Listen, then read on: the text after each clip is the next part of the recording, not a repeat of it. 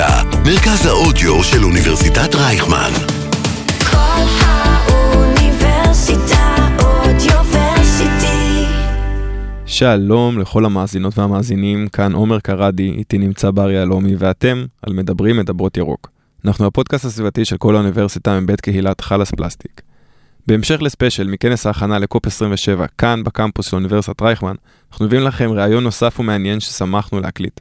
מקווים שתהנו. מדברות ירוק, הפודקאסט שמגלה את האמת בסביבה.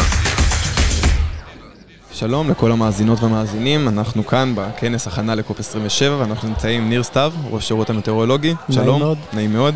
אה, נשמח שתסביר לנו רגע בקצרה מהו השירות המטאורולוגי בישראל והאם יש לו ייחוד מסוים בהשוואה למדינות אחרות בעולם.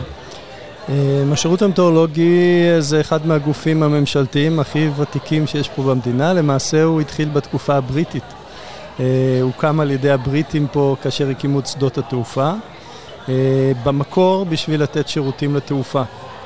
אה, ברבות השנים הפך להיות גוף שנותן כמעט לכל גוף במדינה, כל גוף ציבורי במדינה, אם זה כמובן עדיין לתעופה, אבל כוחות החירום וההצלה, תקשורת, מאחורי אותם חזאי טלוויזיה נמצאים, נמצאות התחזיות שלנו.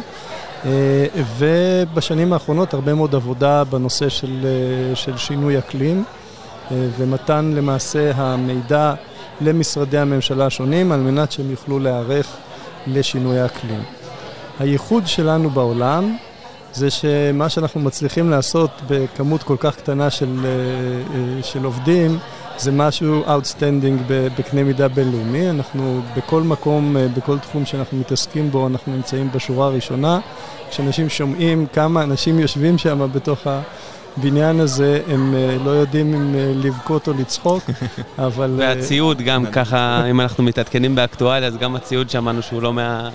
לא, דווקא בתחום של הציוד... אה, פשוט אה, אה, המקם גשם הוא היה בכותרות. המכ"ם גשם קשור לתקציב המדינה, כן. אבל באמת, אנחנו השנה, אחד מהדברים היפים שהיו השנה האחרונה, התקבלה החלטת ממשלה לפני שלושה חודשים להקים מרכז חישובים בנושא של הרצה של מודלים אקלימיים, ולמעשה מה שאנחנו הולכים לעשות שם הוא די חדשני בעולם, להריץ מודלים uh, של האקלים ברזולוציה מאוד מאוד uh, גבוהה.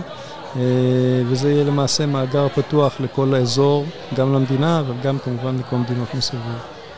ובהמשך לזה, אז המודלים האקלימיים, מה אנחנו בעצם מצפים לראות בהם אה, בנוגע לכל העניין הזה של משבר האקלים? אה, וגם פה הבנו שיש ייחוד בעצם למיקום של ישראל, אנחנו בסוג של hot spot של אה, climate change, אז אם תוכל אה, להרחיב על זה. אז אנחנו מדינה שהיא היא עם מותניים צרות מאוד, אה, וכתוצאה מכך המודלים הגלובליים שמתארים את כל הגלובוס לא יכולים לתאר אותנו בצורה טובה.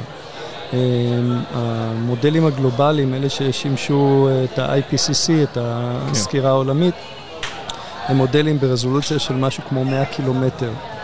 אה, עכשיו תנסו להסתכל רגע על הקנה מידה של ישראל. תבינו שיש נקודה אחת בים, הנקודה השנייה נמצאת בירדן, וישראל למעשה לא נמצאת כמעט במודלים האלה. אז יש לנו תופעות של קו חוף, יש לנו הרים, יש לנו את הבקעה והערבה, אה, את אזור הכנרת, זה הכל דברים שהם מאוד בקנה מידה קטן, קטנצ'יק. מיקרו. אה, ו- ולכן זה דורש סוג אחר לגמרי של מודלים שיהיו מסוגלים לתאר את הדברים האלה.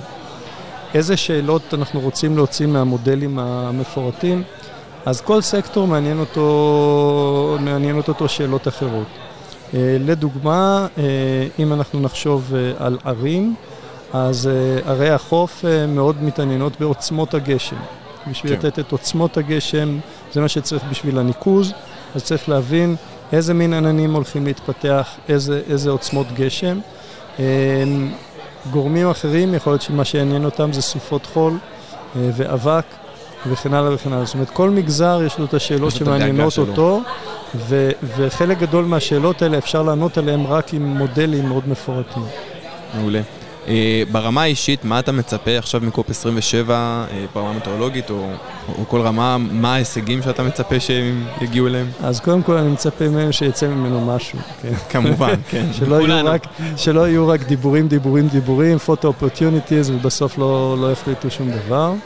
אמ, יש פה החלטות שצריכות להתקבל בנושא של adaptation, זאת אומרת, ב- ב- בנושא של לעזור למדינות, בייחוד מדינות העולם השלישי, אה, להיערך לשינוי אקלים. אם מדברים במטאורולוגיה לדוגמה, אז עדיין יש לנו חצי מהמדינות בעולם שאין להן מערכות התראה. אנחנו פה מקטרים על אה, זה שהמקם אצלנו לפעמים מגמגם, אבל אה, חלק גדול מהעולם בכלל אין לו מקם גשם, אין לו יכולת להתריע על שיטפונות, אה, אין לו אמצעי מדידה אה, בסיסיים.